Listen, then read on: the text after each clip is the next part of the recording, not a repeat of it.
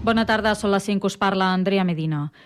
Un accident greu a la Nacional 2 a l'alçada de Vidreres talla en aquests moments la via. Connectem amb el Servei Català de Trànsit per conèixer l'estat de la xarxa viària. Marta Carbó, bona tarda. Bona tarda. Aquest, eh, en aquests moments destaquem un accident a la Nacional 2 de Vidreres. Aquesta via es troba tallada en tots els sentits de la marxa per un accident greu que ha passat fa una estona. A banda d'això, destacar que encara es mantenen aturades puntuals a l'autopista P7 a l'alçada de Sant Sadurní en sentit sud. Hi ha hagut un accident també que ja s'ha retirat, però encara queda trànsit lent en un tram de 4 quilòmetres d'aquest tram de l'autopista AP7. I pel que fa a l'àrea metropolitana de Barcelona, doncs eh, veiem aturades en algunes vies, com la C58 entre Montcada i el nus de la Trinitat d'entrada a la capital catalana, i les rondes en sentit Trinitat. De moment, això és el més destacat des del Servei Català de Trànsit. Molt bona tarda. Gràcies, Marta. Seguirem pendents per ampliar la informació sobre aquest accident que talla, recordem, la Nacional 2 a l'alçada de Vidreres. El govern de la Generalitat ha posat en marxa una campanya en les 24 llengües oficials de la Unió Europea per aconseguir suports en l'objectiu que el català sigui també un idioma de la Unió. El lema és si tots els idiomes són excepcionals, que cap sigui una excepció a Europa. Marquesines en les grans capitals i anuncis en premsa són algunes de les iniciatives de la campanya. L'element principal, però, són 24 vídeos en els idiomes oficials que el govern ofereix perquè qui vulgui els pugui utilitzar per promoure i defensar la seva llengua alhora que es demana el suport i la defensa del català a Europa. La consellera d'Acció Exterior i Unió Europea, Meritxell Serret, ha defensat que es tracta d'una campanya dirigida a atraure simpaties. Que el que volem és, evidentment, cridar l'atenció dels ciutadans europeus, però el que volem és presentar-los, presentar a les altres llengües oficials de la Unió Europea la que volem que sigui la propera llengua oficial europea, que és el català, la llengua catalana, i fer-ho eh, d'una manera empàtica, fer-ho d'una manera que ho visquin en positiu. A banda dels vídeos que es poden trobar al web europaencatalà.eu, el govern també situarà anuncis de la campanya a marquesines de Brussel·les, París, Roma o Berlín. També es publicaran a desenes de mitjans escrits dels 27 països de la Unió. Protecció Civil ha desactivat l'alerta del Pla Bencat sense incidències significatives. Durant tot l'episodi de meteorologia adversa, el 112 ha rebut un total de 144 trucades, sobretot per vent a les comarques del litoral central. I obrim plana esportiva, el Barça ha fet oficial que el dissabte 28, el clàssic contra el Real Madrid a Montjuïc, la samarreta blaugrana inclourà el logotip dels Rolling Stones en un nou acord global en el marc del vincle entre el Barça i Spotify. Això és tot. Fins aquí les notícies. Notícies en xarxa.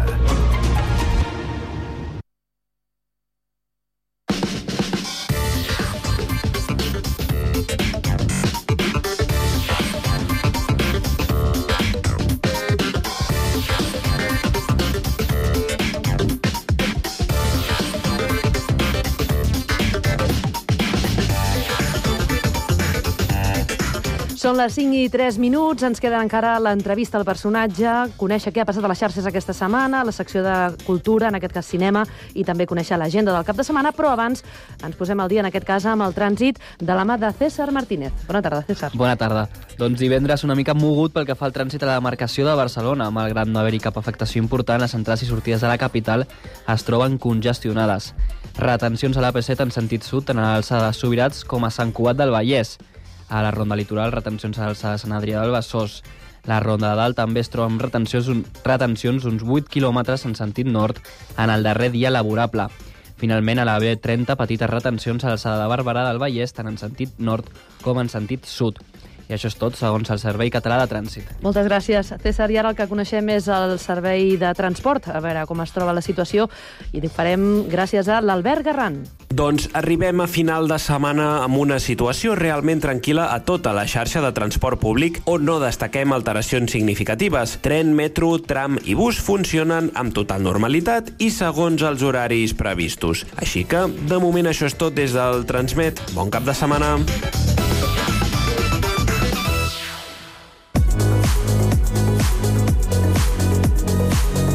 Cada tarda, de 4 a 6, Connectats. Una experiència radiofònica a Sabadell, Terrassa, Sant Cugat, Castellà, El Prat i Badalona.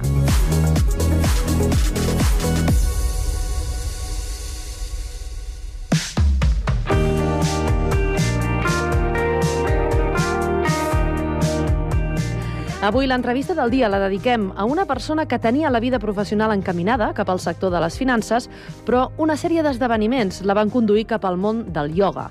Avui, la terrassenca Gemma Estrada passa pel Connectats, en una nova conversa amb en Sergi Estapé. Bona tarda, doncs, efectivament estem amb la uh, Gemma Estrada, la terrassenca Gemma Estrada. Gemma, bona tarda. Hola, bona tarda. Uh, et dediques actualment a, al ioga, però comencem una mica perquè tu vas, en veritat, et vas formar per una altra cosa, no? Sí, he estat molts anys treballant d'una altra cosa. sí, sí. Vaig formar en Administració i Direcció d'Empresa. Per què? I... Per què? Què volies? Eh, tenies alguna sortida pensada o... Bé, en aquell moment suposo que eh, bueno, l'economia a mi m'agrada i he estudiat molt això i és, és una matèria que bueno, se'm donava bé, m'agradava i és, és un moment de la teva vida que penses molt bueno, en el que t'han explicat, no? de quines sortides pots tenir, que puguis trobar una bona feina, que puguis viure tranquil, no? És el que, el que acostumen a dir.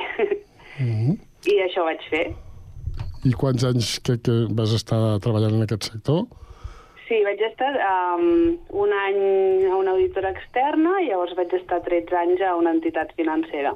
Uh -huh. En quines funcions feies? Vaig estar d'auditora, uh -huh. de, de, bueno, de controle una mica, reporting a direcció i, i analista de riscos. L'última etapa estava d'analista de riscos. Uh -huh. No, no era una feina que et desagradés, no?, pel que has dit. No, no, no. La veritat és que no. No era una feina que em desagradés, però potser amb el temps és com que com que sents que no estàs en el teu lloc. O potser el que no, el que no t'acaba d'encaixar és... Bueno, al moment en què vaig sortir, jo crec que el que no m'acabava d'encaixar és el sistema, no?, com funcionem i, i la, les hores que se t'endú això uh mhm. -huh. i els valors que hi ha darrere i és una mica que et vas sentint com que, que no estàs fent el que, el que sents que has de fer. Mm -hmm. I eh, vas aprofitar no, que hi havia, va haver una situació una mica complicada a l'empresa i vas, vas decidir deixar-ho, sí. no? Sí, sí, sí, vas, vaig tenir... Bueno, jo dic a vegades que eh, és una situació complicada o, o és, és un, un regal, no? Que a vegades la vida et posa situacions allà que al final la decisió la vaig haver de prendre jo perquè era una, un, un ero voluntari uh mhm. -huh. i llavors bueno, vam, vaig tenir un temps de, de, de decidir no, de què feia, si, si podia, si no, si, bueno, què volia fer. I m'imagino que també el fet d'estar embarassada, que tens una mica més de, va, tot sortirà bé, uh mhm. -huh. i bé, tens una confiança en la vida molt més gran, i tot, jo crec que va, va venir quan havia de venir i, i sí, vaig prendre la decisió de sortir i la veritat és que, bueno, de moment ara em sento que és un regal, ja farà dos anys uh mhm. -huh. i estic fent una feina ara que, que m'omple molt, que m'agrada molt que no sé si a la llarga serà sostenible econòmicament, això també és cert, perquè no, no és fàcil viure fent classes de ioga, però, però ara mateix eh, és com que sento que, que estic més on, on he d'estar, que, que ajudo a les persones amb les que interactuo amb el dia a dia i, bueno, estic feliç, estic contenta i, a més a més, eh, puc gaudir del meu fill, que, que això és un regal. Sí, tot i, tot i que, que vas tenir molt clar que et volies dedicar al ioga, sí que quan, quan passa allò de l'ero, eh, deixes... Però intentes tornar a trobar una feina similar, no? Quan... Sí, Sí, sí, sí. Bueno, perquè són canvis molt grossos, no? I al final suposo que busques... Bueno, tenim les creences molt establertes, una manera de viure molt establerta i, i en el fons penses que una altra cosa no podrà ser, no? No sé si... Bueno, suposo que a molta gent li passa, o jo almenys ho he viscut així, i al final tot és un procés de doncs d'obrir la ment i, i confiar i, i prendre decisions i tampoc saps què passarà demà, no? Però almenys que, no sé, sempre dic que el que hagis viscut fins avui t'estigui valent la pena, no? Uh -huh. Bueno, de fet, estaves a punt d'acceptar, no sé si d'acceptar una feina sí. o estaves en procés. Bueno, estava en un procés sí. que vaig deixar mitja, sí. Fins que I, dius... Sí, perquè, bueno, vaig sentir que això, que, que no podria estar el que jo voldria pel meu fill, que en aquell moment doncs tenia cinc mesos, uh -huh um, que, no, que no era l'estil de vida que, que volia i una mica vaig pensar, ostres, mm, t'has t'has trobat en aquesta situació, no?, i, i almenys, eh, ja que tens eh, ara uns diners per viure un temps, Mhm. doncs intenta fer alguna cosa diferent, no? Vaig sentir com aquesta crida, no? Jo sempre dic que no, no ho vaig fer pensant amb el cap, sinó que ho vaig fer pensant amb el cor, i, i, i mira, i em vaig tirar a la piscina ja. Jo crec que quan et, et tires a una piscina tan gran com és un Ero, no? ja Mhm. després totes les piscines se, se't fan normals. De totes maneres, no, no, no dius deixo, deixo el sector de la banca o de les finances i em tiro el ioga a cegues, sinó que tu ja ja t'hi havies iniciat abans, no? Sí, sí, sí. Jo portava uns anys uh, fent classes i, mm, i ho feia doncs, com molta gent avui dia, no? que, que practica ioga, que bueno, doncs, té la seva feina habitual i, i de més a més ho, ho fa, fa donar classes. I llavors jo donava classes aquí, aquí a Terrassa a un grup de, de persones que després també m'han anat seguint i ara són amigues d'Aio, que dic jo. I, i a més a més feia a Barcelona, on estava treballant, els hi feia classes als meus companys de feina, sí, sí. Portava des del 2007 aproximadament. Quan vaig començar la formació, amb els companys de feina ja vam començar.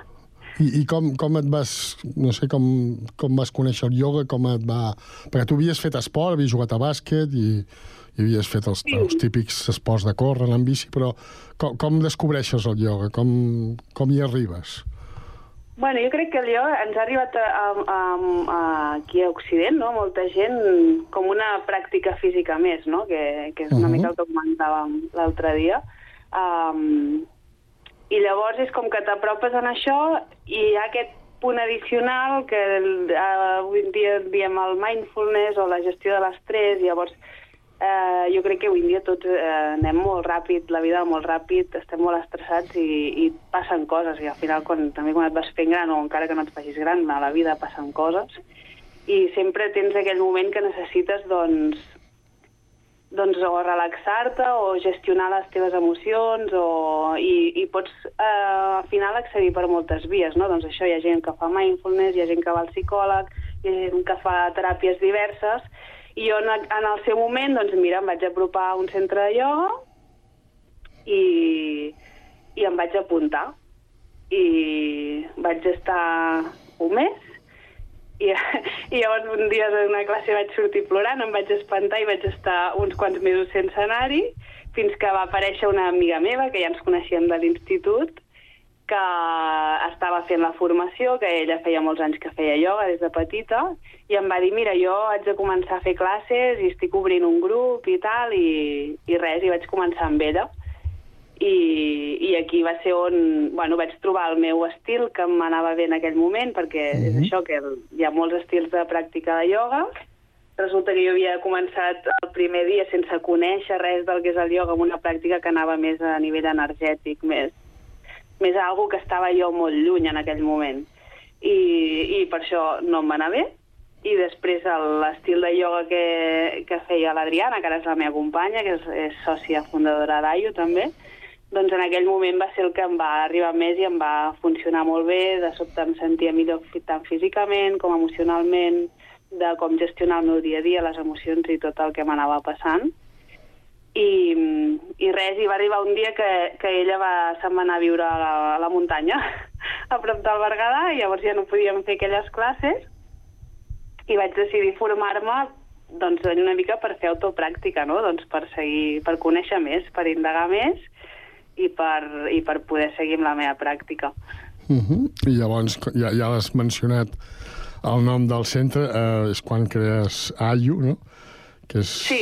és una. Bueno, quan, Digues, digues. quan deixo aquell procés de selecció que estàvem comentant, um, llavors bueno, vaig, vaig parlar també amb, amb l'Adriana, que és la meva companya, la meva primera profe de ioga oficial, i, i, bé, i comencem a parlar de què, què, què podríem fer, no? que, que fos un projecte bonic i, i que també poguessin participar doncs, altres professores de ioga o altres professionals que, que poguessin acompanyar a través de la filosofia del ioga a diferents moments de la vida, no? diferents estils però encaminats a, a acompanyar les persones. I allà comença a, a néixer la idea. El que passa que, bueno, després fins al cap d'un any no vam, no vam obrir, Aio. no va sortir. I el nom?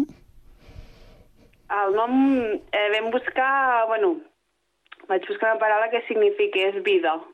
Doncs perquè una mica el concepte és aquest, no?, de no posar diferents estils de pràctica com, com una marca o com com una diferent pràctica física, sinó oferir un espai que et pugui acompanyar en diferents moments de la vida. Llavors, uh, Ayu en sànscrit significa uh, vida en moviment, uh, caminant, i, i llavors doncs, bueno, va ser un nom que ens va agradar, que, no, que després ja mires a nivell de marca que no estigui agafat i aquestes coses, perquè noms sànscrits avui en dia doncs, n'hi ha molts que estan agafats, i, i res, i vam escollir aquest nom. No, no, té, no té més misteri que això. Uh -huh. I us dediqueu enterament al ioga o també oferiu altres opcions? A veure, nosaltres dues sí, i l'Adriana, a més a més, és doula. Doula és una, una sí. figura que, que... Que està en alça, eh? Sí, sí, sí. Que és... és um, una figura que és una una persona que t'acompanya durant el procés de, de l'embaràs i de la maternitat. Ella us ho explicaria molt més bé perquè jo no, no he fet la formació, però crec que és una figura molt necessària que t'ajuda doncs, en tots els dubtes, en totes les emocions, en tot el que vius en aquest procés. I a part, com que nosaltres també recentment havíem sigut mares i, i un cop més, no, doncs per mi el ioga va ser un gran aliat per, per eh, transitar per la primer la cerca gestacional, per després durant l'embaràs i, i ja el part i el postpart, que és una altra pel·lícula. I sentíem doncs, que, que potser no havíem trobat aquí a Terrassa un espai on, on poder fer tribu, on poder-te sentir també acompanyada en aquest sentit i on s'oferissin diversos també horaris i, i classes de, de ioga per, per aquest moment vital, no? per durant l'embaràs i després i, i res, i vam pensar, ostres, nosaltres eh, ho podem oferir, ho podem fer, doncs, doncs endavant, no? I la, la veritat és que molta de la part de, de l'oferta que tenim al nostre centre és per aquest moment vital. Mm. I llavors hi ha altres professionals que, que s'han anat arribant a nosaltres per fer col·laboracions, que els ha agradat el projecte, i llavors també oferim tallers, oferim xerrades i també per fer un acompanyament així més integral, que no sigui només el, el moment en què fas la pràctica física del ioga, no? perquè també per nosaltres el ioga és molta més cosa, és una manera de viure i, i el fet de poder oferir altres tallers, teràpies eh, o informació i formació i assessories de lactància i grups de criança i tot això també creiem que, que, doncs, que pot ajudar molt no, en aquest moment. Mm -hmm. T'anava a preguntar això precisament perquè tu has dit al principi que, que per, per tu i per, en concret per la teva, per la teva sòcia el, el ioga o, o, o sou defensors de, defensores de que és una, més que una... el que més, puc ser aquí a Occident ha arribat, no una cosa física, sinó és, una, és un més enllà, no? Sí, jo penso que havia de ser així, no? que a Occident arribés la part, un dels passos del ioga, que és asana, que és la postura física, no? la pràctica, uh -huh però eh, el ioga significa molt més que tot això. I, però bueno, crec que Occident havia d'anar així perquè és la manera que en, el, en, el, en la situació que estem aquí poguéssim posar-hi un ull no? i fixar-nos-hi. Mm -hmm. Ai, mira, això va bé per estirar, per trobar-te bé. I és la manera... Ha, ha sigut la via d'entrada, però que després un cop ets a dins mm -hmm. eh, descobreixes que realment és una filosofia de vida que significa molt més que tot això i que després o sigui, a mi m'agrada molt, per exemple, aquest estiu he estat fent classes que, que venia gent que és el seu primer contacte amb el ioga, no? I trobo que això és molt bonic, perquè és això, vens pensant que vas a fer exercici, mm -hmm. però, però després descobreixes una cosa que potser t'acompanya ja per sempre. Mm -hmm. Com una filosofia de vida. Sí, sí, sí. Més o menys. Parlant de vida, tu ets molt amant de la natura, també, no? Sí. Què, què t'agrada de la natura? Què, què fas? Vas d'excursió? Surts? Sí, bueno, m'agrada m'agrada molt els esports i m'agrada últimament simplement doncs, estar a l'aire lliure, uh mhm. -huh. moure'm per la natura.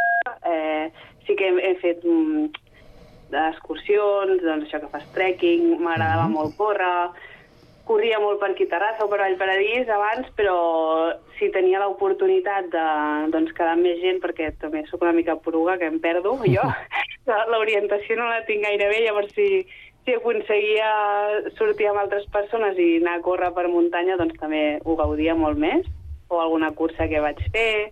Um, amb, el, amb, amb la meva parella també doncs, hem fet molt per la costa, per platges, ens movem, fem excursions, ens agrada doncs això, sortir a córrer i després banyar-nos en una cala. Uh -huh. L'activitat física en general, no? Més o menys?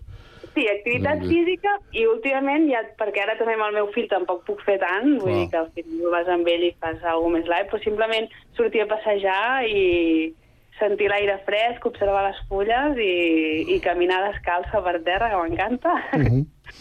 I ja està, i sentir, sentir la natura, no? que és, és com que a mi em fa sentir que estic més a prop de la meva essència. Molt bé, Gemma, per acabar, eh, et vam demanar una cançó. Eh, quina cançó has triat i, i si hi ha algun motiu concret per la qual la, vols, la volies acabar aquesta entrevista amb, aquesta, amb aquest tema? Sí, jo he escollit uh, Creating a Dream de, de Xavier Ruth, Uh -huh. perquè bueno, és una cançó que uh, escolto, recentment l'escolto bastant i m'agrada molt el missatge que dona, no? De... I a vegades la, la poso quan pe- penjo coses també d'Aio, del projecte, perquè És com, És com com una que- senya d'identitat. Cre- No? Sí, que a vegades amb la, amb la ment imagines coses no? i estàs creant un somni que, que potser algun dia es fa realitat, no? I, i els somnis no són fàcils de crear i a vegades somiem coses que són impossibles, com la lletra de la cançó, Uh -huh. però, però que són boniques, no? I llavors eh, val la pena.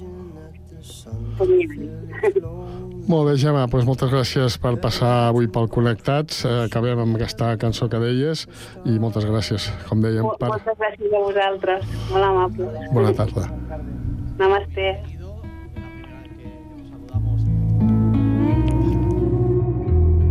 Imagine things were always crystal clear. Imagine if the mind never interfered.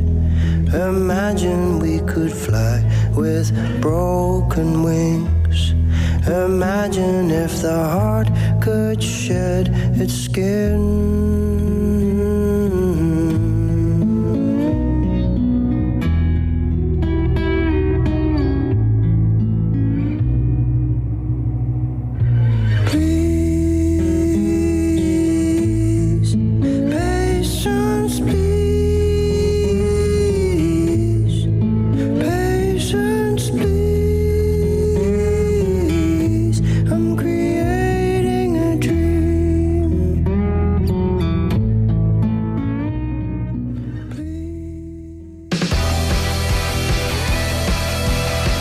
Tarda, no et desconnectis. Connectats.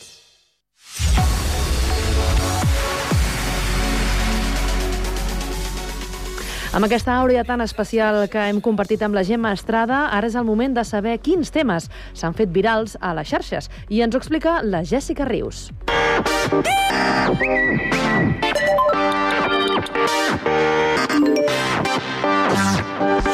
Bona tarda, Carme. Aquesta setmana hem tingut una mica de polèmica a les xarxes socials. Polèmica d'aquesta que ens agrada, que involucra influencers, una mica de política, i a més a més, si li posem un diari d'aquests espanyols purs i durs, per dir-ho d'alguna manera, doncs aquesta polèmica ens agrada, ens agrada encara més. Us fico en situació. Dimecres passat va ser dia 12 d'octubre. Segur que tots teniu marcadíssim el calendari perquè és festa. Quina, i quina festa. Alguns ens dona una mica igual quina festa sigui, l'important és que és festa. I, però, bueno, d'alguns altres els, els agradarà celebrar el dia perquè, perquè és el dia de la hispanitat, no? Al, al tanto perquè n'hi ha d'altres que no, que no agrada massa i en fan fins i tot una miqueta de broma. Nosotras, que somos catalanas, cuando España, que hemos ido varias veces, nos han tratado muy bien y han sido muy simpáticos con nosotras. Por eso, como hicimos con nuestros vecinos de arriba, los franceses, os queremos decir Happy Birthday para ser los mejores colonizadores de Europa. Bueno, país vecino, que paséis un super mega ultra hiper buen día de vuestro super día nacional en el que celebráis que acabasteis con un montón de cultura. Doncs vaja, ja us imaginareu com s'han posat alguns després de veure aquest vídeo. La Razón, el diari La Razón, se'n va fer ressò i va publicar al seu Twitter una piulada que deia un grupo de chicas catalanas sube un vídeo felicitando el día de la fiesta nacional. Fins aquí bé, oi? Unes catalanes feliciten el dia de la hispanitat. Això, això agrada a molts. Però bé, la piulada continua. Empleando un tono sarcástico y hablando en perfecto castellano. Perquè, clar, els catalans no parlem un perfecto castellano. Ah, això és un fet paranormal, no? que escoltant el vídeo jo no sabria dir si aquestes tres noies són de Sevilla, de Múrcia o de Girona. bueno, tot s'ha de dir. La piulada acaba dient las jóvenes se burlan de esta fe festividad. Apa, doncs no me n'havia donat que s'estaven burlant. Després d'això ja podeu imaginar com anaven les xarxes, que si Colonna era català, que si a veure què posa el teu DNI... També n'hi havia que recordaven el paracaigudista que es va estavellar a la farola. Això agrada recordar- recordar-ho sempre. I alguns també comentaven sarcàsticament que falten per queixar-se als, als francesos, que també els anomenen al vídeo. Les influencers que es diuen a Instagram Can Mates van respondre a la raó dient que no estan dient res que no sigui veritat. Apa, deixo la cosa a l'aire, que cadascú opini el que vulgui. Seguim, perquè Melendi ha tornat, i vaja com ha tornat. Després del seu anunci dient que tornava a fer concerts amb les cançons de quan era al Milindri, amb les rastes i l'alegria que portava de més a sobre, doncs aquests concerts ja han començat i vaja com ho han fet. Ramon Melendi Espina ha tingut la gran idea de tornar per la Porta Gran. Per què ho dic? Doncs perquè corren per les xarxes socials uns vídeos fantàstics d'ell fregant-se el nas amb la mà, amb el colze i fent cares rares. Cares d'anar d'anar mal posat de droga, per què no, per què no dir-ho? El Melendi original, vaja. Doncs les xarxes socials són molt dolentes i corren vídeos de Melendi a, sobre l'escenari amb aquesta veu. Estoy en el coche sudando mogollón. Tengo una puestada encima que flipa, ¿sabes, Pedrito?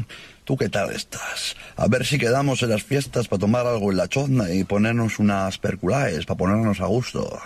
¿Eh? Y contarnos nuestras penas, tío.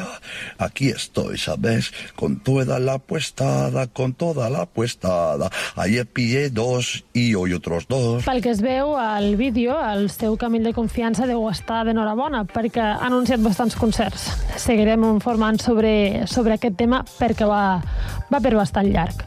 El que també va per llarg és el tema de la selecció espanyola. Nacho, el jugador del Real Madrid i ultrafatxa declarat, s'ha tornat a posar davant els micros. Aquesta vegada ha respost a Itana Bonmatí, que va declarar doncs, que no esperava més del més suport de la selecció masculina.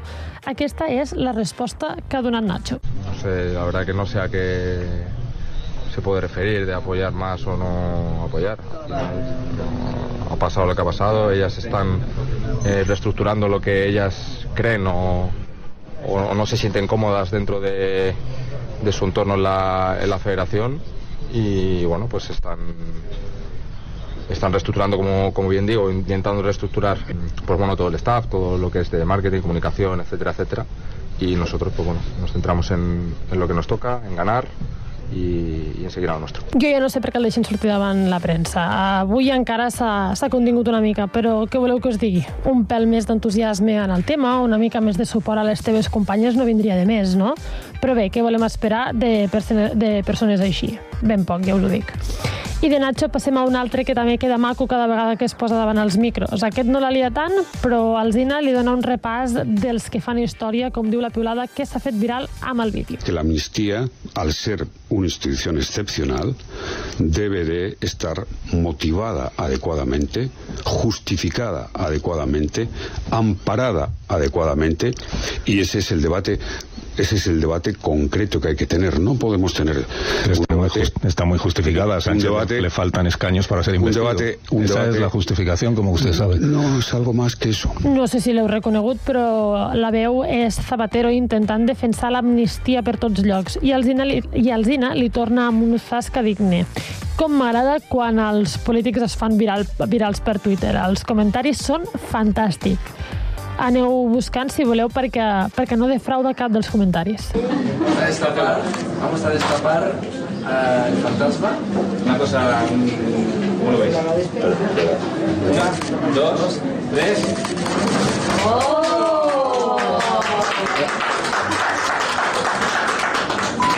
Si només escolteu això i no us explico de què va, què penseu que és? Tothom diu, al vídeo tothom està dient oh, que bonic, o algo estrany, no? Doncs mireu, és un vídeo on Julio Iglesias Jr. descobreix a la seva nòvia. És un show total, me'n faig creus de tot el que passa al vídeo. Primer veiem alguna cosa amb una capa, com si fos un fantasma en purpurina, que ara l'han prohibit, ho sabíeu? Bueno, tornem al vídeo. Al costat està Julio Iglesias esperant a treure la capa i quan ho treu, de sobte davall surt una noia com si fos una figura, posant com una model, molt Barbie tot. Aquesta noia és la seva nòvia, nova nòvia i l'han presentat així a la premsa, com si fos un premi. Em sembla increïble, de, veritat. I d'un viral que em sorprèn a un altre que em deixa bastant desconcertada. Sabeu què són les Susus Reborn? Aquestes nines tan realistes? Doncs per TikTok s'han fet viral, s'ha fet viral aquest vídeo. Bueno, pues ya hemos llegado al parque y Madi se le está pasando pipa, como lo podéis ver en su carita que está súper contenta. Así que vamos a disfrutar un poquito del columpio. ¡Ay, que te cojo! Le encanta que juguemos a esto y se parte de la risa.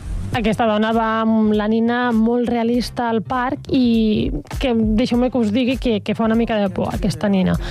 I passat, I passat tot el que esteu escoltant al vídeo, a mi, si me la trobo, m'assustaria bastant el, el panorama que, que es veu al vídeo. Busqueu-lo per, per xarxes, perquè està per totes, i em direu si fa una mica de yuyu o no. I per acabar el repàs a les xarxes socials, fixem-nos en les que ens interessen de veritat. La publicació amb més reaccions ha estat a la xerrada amb el col·lectiu Ronda sobre la nova directiva europea que vol reduir la presència de l'amiant a Europa. També hem conegut el Joel Esteban, el jove pilot pretén que la pròxima temporada correrà al campionat de Moto3 amb el Team Spar, de que des d'aquí li desitgem moltíssima sort. I també hem tingut a tres alumnes i un professor d'Àgora Sant Cugat que ens han pogut, han, que han pogut visitar l'Space Center Houston de la NASA. I hem conegut també a Isabel Serrà, que ha, fe, ha refet el camí de l'exili que va traçar amb el seu pare 85 anys després. Ho podeu seguir i recuperar-ho totes les xarxes del Connectats. Estem a Twitter, Facebook i Instagram. El cas curiós d'aquesta setmana és una mica trist. No sé si coneixeu a, al Pedro o el vau visitar alguna vegada, però aquesta setmana doncs, va morir. Segurament molts estareu dient qui és Pedro i per què ens interessa aquest, uh, aquest senyor. Doncs Pedro és, bueno, era el rinoceront blanc més longeu d'Europa. Probablement moltíssima gent no en tenia ni idea d'això. Jo era la primera que desconeixia aquest fet. Però bé, aquest animaló estava al zoo de Barcelona. Segur que tampoc en teníeu ni idea. Jo tampoc, eh? Per això avui ho volia comentar. Perquè us feu una idea de lo vellet que era, lo normal dels rinocerons eh, poden viure entre 40 i 50 anys. I Pedro, el nostre amic del zoo de Barcelona, en tenia entre 53 i 54. Vaja, que tampoc tenen massa clara la seva edat, però sí que és el més longeu. Quan llegia aquesta notícia em preguntava quin soroll fan els rinocerons? Igual sóc l'única persona que em faig aquest tipus de preguntes, però bé, per si de cas hi ha algú com jo, aquí us el deixo. Jo m'esperava qualsevol cosa menys que sonés així. Bé, la notícia de Pedro ha fet la volta per les xarxes socials. Molta gent comentava que l'havia anat a visitar al zoo i d'altres que, com jo, no en sabien de la seva existència. Què s'estrena aquesta setmana a les plataformes? Si heu estat seguidors d'Elite, avui torna amb la setena temporada. Uno, dos.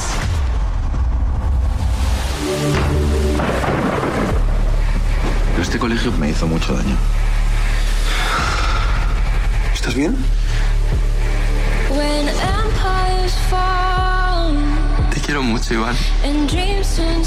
Claro, se va a acabar cuando alguna de las dos familias caiga. No podemos estar juntos. no estoy haciendo nada que no haya aprendido de la mejor. De ti, mamá. Primo, Prefieras darte de hostias antes que pedirnos ayuda. ¿hasta cuándo las putas pesadillas? La puta ansiedad. La puta nube negra con la que me levanto todos los días. Uno, dos. Uno, dos. Si sabes cómo afrontarlo, todo el daño que ibas a recibir se convierte en tu fuerza. Tot segueix igual, algú mor, passen coses a l'institut que no passen a cap altre institut del món i descobreixen l'assassí. No us puc fer cap spoiler perquè encara no l'he vist i crec que no la veuré perquè a set temporades, no sé, ja, ja em comencen a cansar una miqueta. Si la voleu veure, està des d'avui a Netflix. Hey, look, Morty! I'm a leg! A leg, Morty! Any progress? I found the version of me that killed my wife. You just missed it. Can I ask if you're currently a hologram? Yeah, yeah, hold on. One sec. Do we know anyone sober? Have you been drinking? On a Thursday?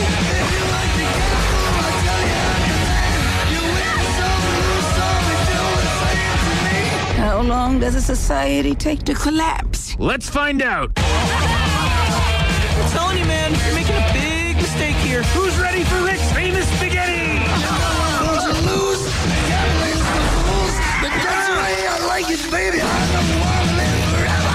Sorry. No, you didn't. I said it quietly. Shut up. Dad, you, you had a job interview, right? Bombed it. Whose car is this? Whose sun visor is this? What's the sun? I was wondering if you could help me out with a bit of a rake situation. A rake situation?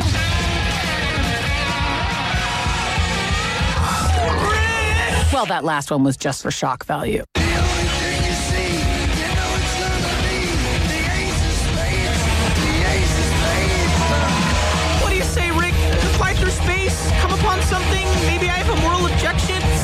Morty, we're back, baby!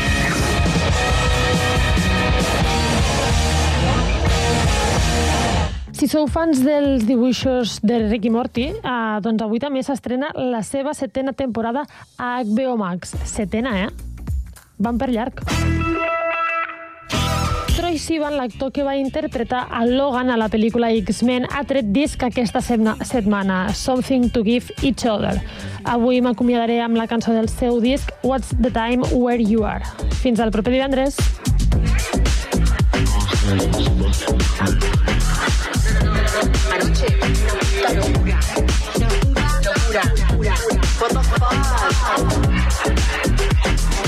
Tokyo just hit me like a wave. We ended up, I couldn't say. I'm feeling like my in a time place. A la tarda no et desconnectis. Connectats.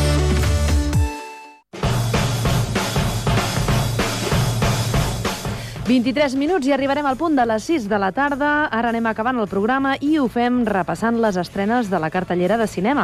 Com sempre, de la mà del periodista Jordi Guillem i el nostre company Sergi Estapé.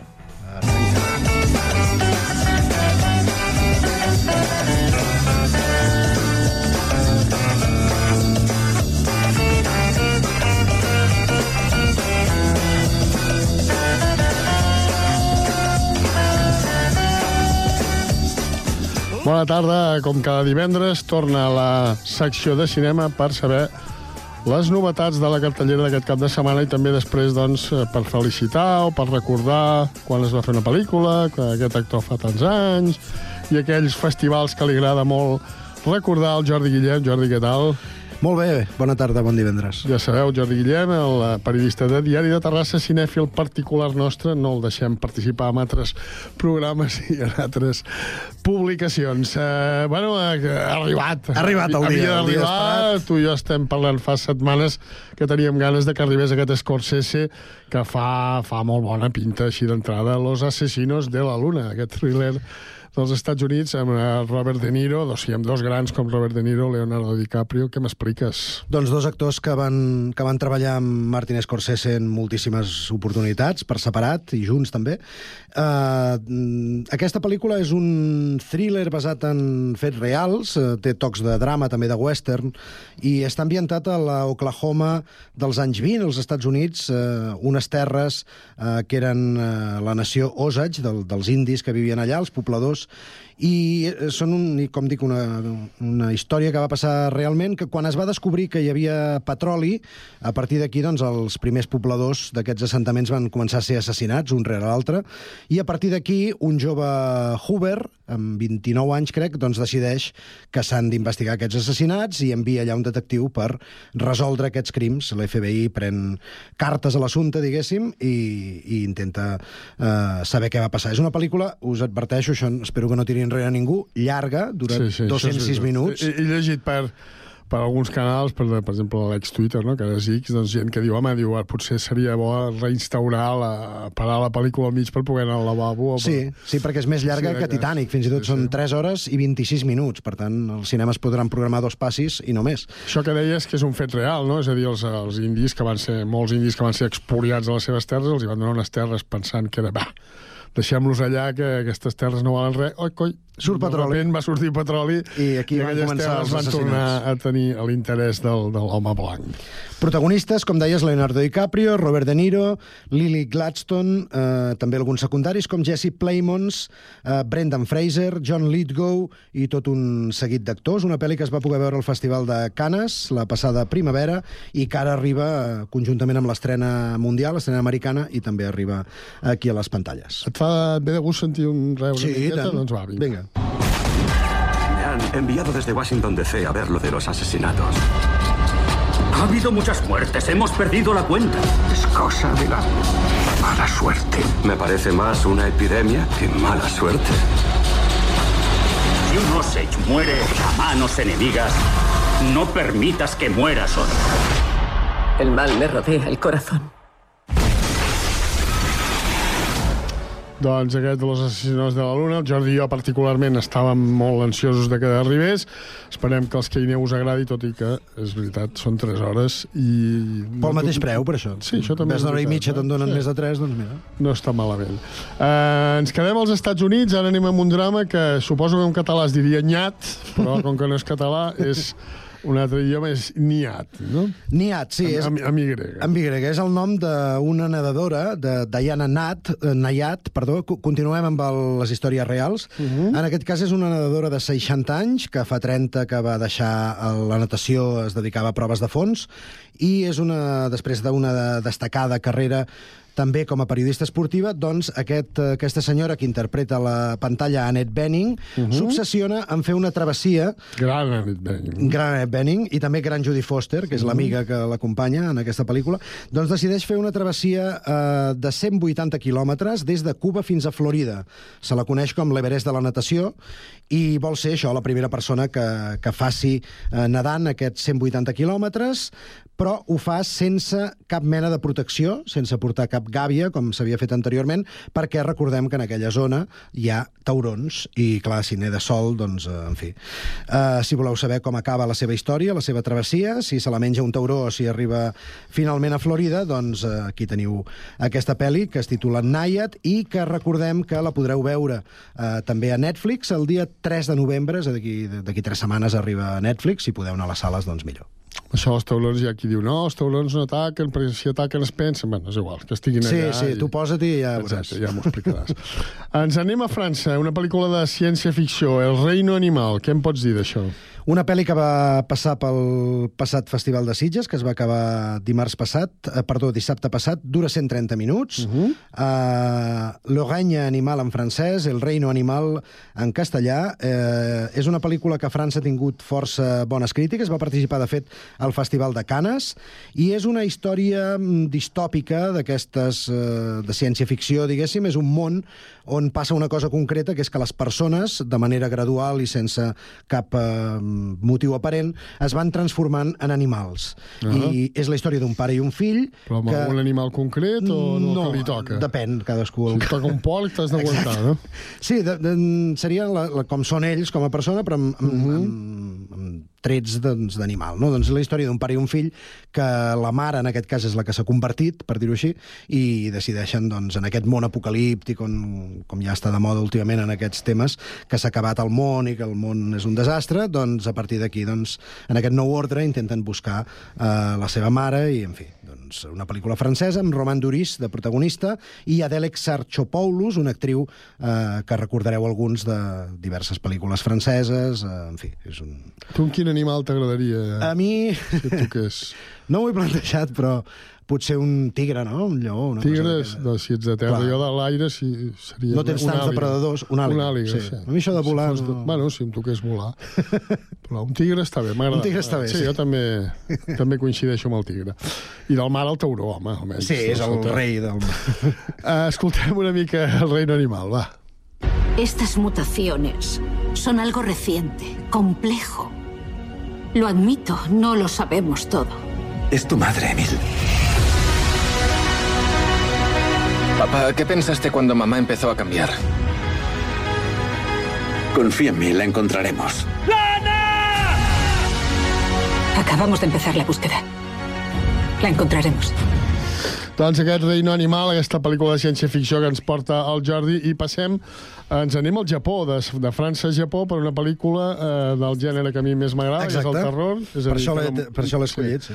No m'agrada gens, es diu eh, Juego Prohibido, Game Forbidden Game, o alguna cosa així. Forbidden Play, eh, Juego Play, Prohibido, és eh, una pel·li que recentment el seu director, que és Hideo Nakata, és el senyor que va fer Ring i d'altres meravelles d'aquestes eh, de molta por i terror sobrenatural. Sí, sí, genials. De fet, és un gènere propi, és el G-horror, que G de Ah. Japó, que és, és el terror japonès, diguéssim, i Hideo Nakata va ser a Sitges eh, celebrant que feia anys que la seva pel·lícula eh, Ring, que és aquella d'un pou i una nena amb els cabells llargs, una nena amb els cabells llargs, la recordareu segurament, doncs mm, va aprofitar per... li van fer un petit homenatge. Aquesta és una pel·lícula que no sembla tenir més, simplement és una història d'una directora de vídeos d'internet que es diu... Has definit les pel·lícules de terror segons Sí. el meu pare, eh? No, no, no, té, no té més. No, té no, més. vull dir que no és una gran producció, simplement és una d'aquelles si us agraden els sustos i com allò d'última llamada i aquestes coses, doncs... Total, una directora de vídeos que es diu Hiroko Kurosawa que visita la casa d'un col·lega seu, el Naoto, que ha Mhm. perdut a la seva dona i veu eh, el seu fill recitant una estranya mal maledicció en direcció a un montícul de terra en el seu jardí, a veureu que promet, i a partir d'aquí, doncs, això, hi ha un encanteri, començaran a passar fenòmens estranys i el nen eh, començarà a desenvolupar una certa maldat sobrenatural i, en fi. Hi ha gent que li agraden aquestes Pues pel·lis, a mi sí, no em sí, sí, molesten, escolta. si s'han de veure es veuen, però potser no seria la, la pel·li que triaria de les d'aquesta setmana, perquè n'hi ha de molt bones. I marxarem amb aquestes cinc pel·lícules que sempre destaquem. A Argentina, un drama que es diu Conversaciones sobre l'odio. Una pel·lícula una mica enrebaçada, no? Sí, enrebaçada, curiosa, és una pel·lícula, és un thriller psicològic, de fet, que està rodat en temps real eh, i que explica la, la conversa de dues dones que parlen sobre la maternitat, els diversos punts de vista d'això, maternitat, amistat, les seves formes diferents d'enfrontar-se a la malaltia que pateix una d'elles. Eh, I a partir d'aquí, doncs, bé, és una pel·li que m'ha semblat curiosa, la dirigeix una dona, Vera Fogwill, amb l'ajuda de Diego Martínez, i la protagonista és Cecilia Roth, di- és, un eh, actriu argentina, d'un lugar en el mundo, Martinache, i la seva partener és Maricel Álvarez, és una pel·lícula que tindrà una distribució petita, una pel·li argentina de 85 minuts, no són les 3 hores i mitja No, no. de Los asesinos de la luna, però, en fi, també tenen cabuda aquestes propostes. I tant. Escoltem una mica d'aquest Conversaciones sobre l'odio. Con este mundo de mierda crece la felicidad. Estar bien, ser feliz. ¿Pero qué estás diciendo? ¿Quién, quién- quién te está lavando el cerebro a vos? Me preocupa, ¿eh? ¿Vos sos feliz? Trato, trato. ¿Crees en la felicidad? Yo creía que nadie más creía en la felicidad, sobre todo gente inteligente como vos. Con este mundo de mierda crece la felicidad.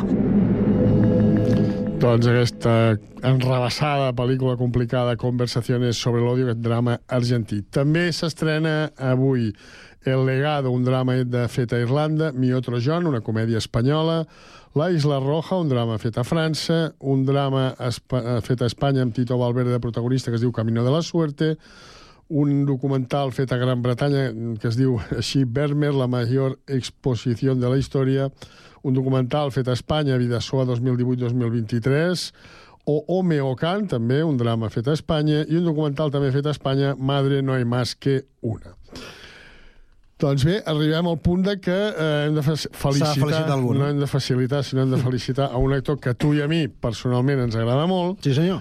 Que em sembla que té molt bona relació amb Catalunya. Si Sí, no parla català, sí. Parla català, i es diu... Es diu Vigo Peter Mortensen. Que avui teòricament es jubila, no? O sigui, 65 Sí, anys. si volgués, es podria jubilar si avui. volgués, Sí. Bueno, jo crec que si volgués fa anys que es podria jubilar. Sí, Però... ja ho ha fet tot, diguéssim. Ja, exacte. És d'aquells actors que molta gent li haurà sorprès que tingui 65 anys, perquè sembla més jove, com ens passa a nosaltres. actors que mai es parla, però que és un gran actor. Sí, sí, és un gran actor. Oh, DiCaprio, Ben Affleck, da, da, da, da, però Vigo Mortensen a vegades se'l se menys té en aquest sentit. participa a grans pel·lícules, algunes Sí. amb menys protagonisme, altres amb més, però és un gran, un gran actor. Bueno, digues, digues. Surt, va. no, per exemple, surt a la trilogia del Senyor dels Anells, Per a les exemple. 3. Mhm. Recordo quan va venir a presentar una pel·lícula a Sitges, doncs tothom li demanava que firmés eh, tota mena de gadgets del Senyor dels Anells, en feia el paper d'Aragorn, i a banda d'actor, ara es, des de fa uns anys es dedica a dirigir també, és músic, fotògraf, pintor, eh, poeta, és mil Com- coses. com tu i jo, moltes coses. Exacte, moltes coses variades.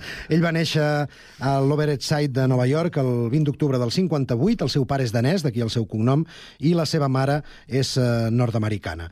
Um, com de la seva carrera, en fi, hem destacat ja, va estar nominat tres vegades a l'Oscar, uh, va començar amb una pel·li que no sé si recordareu, una pel·li de l'any 85 que es deia Único Testigo, Sí. una pel·li de Peter Weir, uh, on interpretava un petit Ford. paper amb Harrison Ford, etc.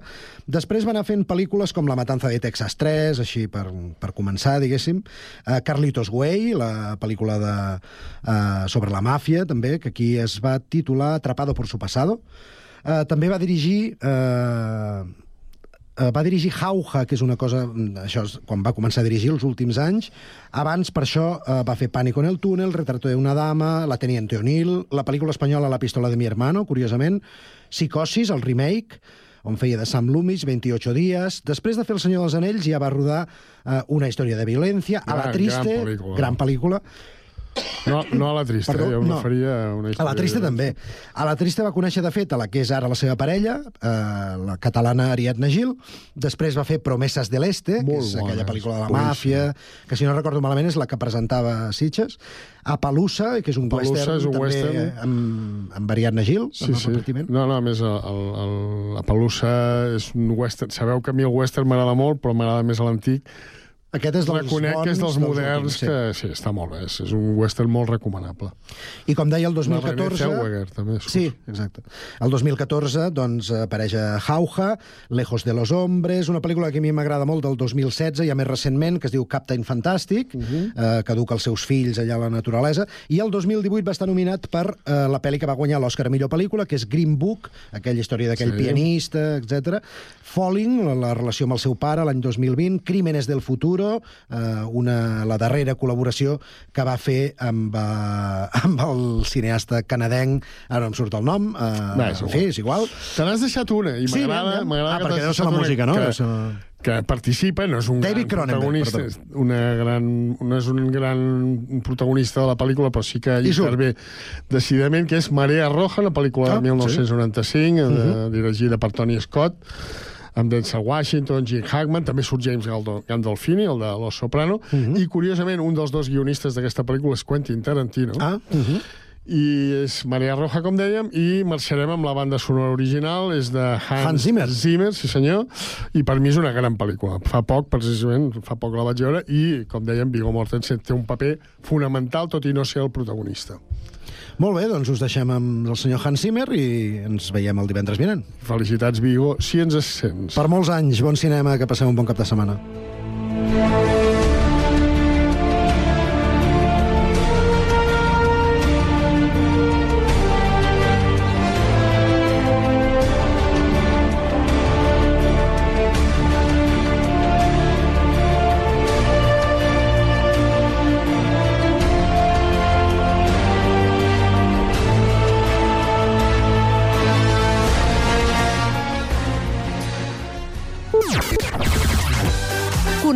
Una experiència radiofònica a Sabadell, Terrassa, Sant Cugat, El Prat, Castellà i Badalona. It's Friday then, it's Saturday, Sunday.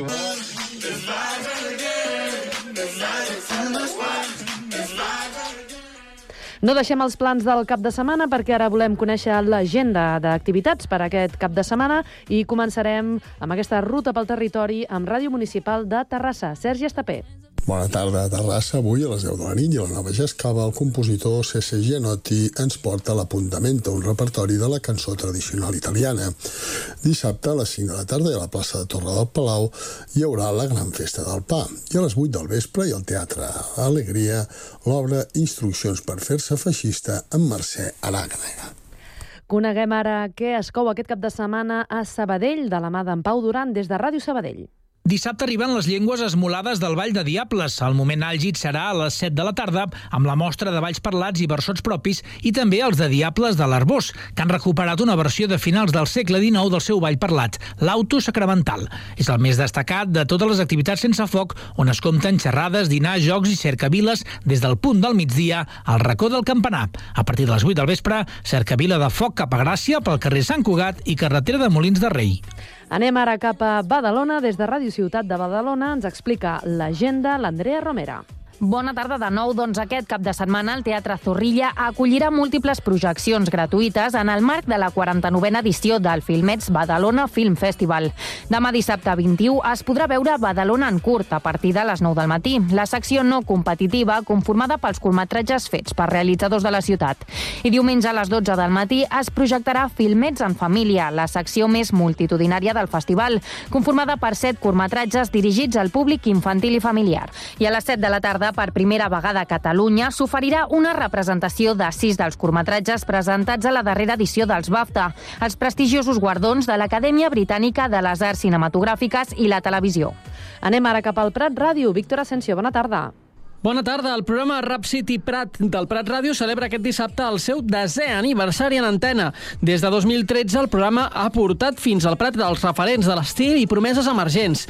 Cristian Fornieles, presentador des dels inicis del programa, explica com va sorgir Rap City Prat. Esto empezó pues por el documental de 08820 que hizo mi sobrino Pico y me acuerdo que fuimos a Radio Corbera allí haciendo la entrevista a los de Radio Corbera salió la idea de decir, oye, pues podríamos retomar otra vez el tema y tal. Y lo hicimos así, empezamos con Pico los primeros años y luego ya pues nos quedamos nosotros. Per celebrar l'aniversari es farà una gran festa a la capsa a partir de les 6 del vespre de dissabte.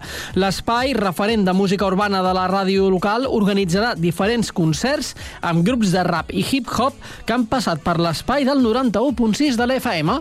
Anem cap a Ràdio Castellà. Guillem Plans. Hola de nou, el carismàtic actor terrassenc Pere Arquilloé serà l'intèrpret protagonista de l'obra El cos més bonic que s'haurà trobat mai en aquest lloc.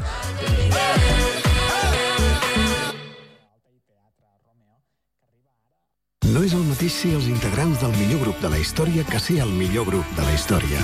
Per això, el grup català Occident serem Occident, perquè per continuar assegurant-ho tot, tot i tot, ens havíem d'ajuntar tots, tots i tots. Entra a seremoccident.cat. Cugat Mèdia ofereix un servei per rebre l'actualitat més destacada de Sant Cugat a través del WhatsApp. Què rebràs? Les notícies més importants, els avisos d'última hora o les incidències de la teva ciutat. La informació més propera al teu mòbil. Com et pots subscriure al canal de WhatsApp?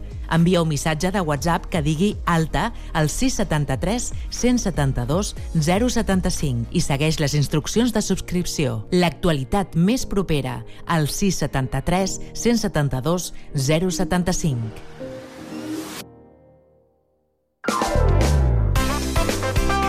Ràdio Sant Cugat, Cugat Mèdia, www.cugat.cat. Ara estic tan bé cap resposta Ja les trobaré. Caminant Ensopegant amb obstacles El que penso de Tot allò que hem fet Tu ja ho saps això. Saps que ara estic tan bé Una història d'il·lusions És un món de sensacions per descobrir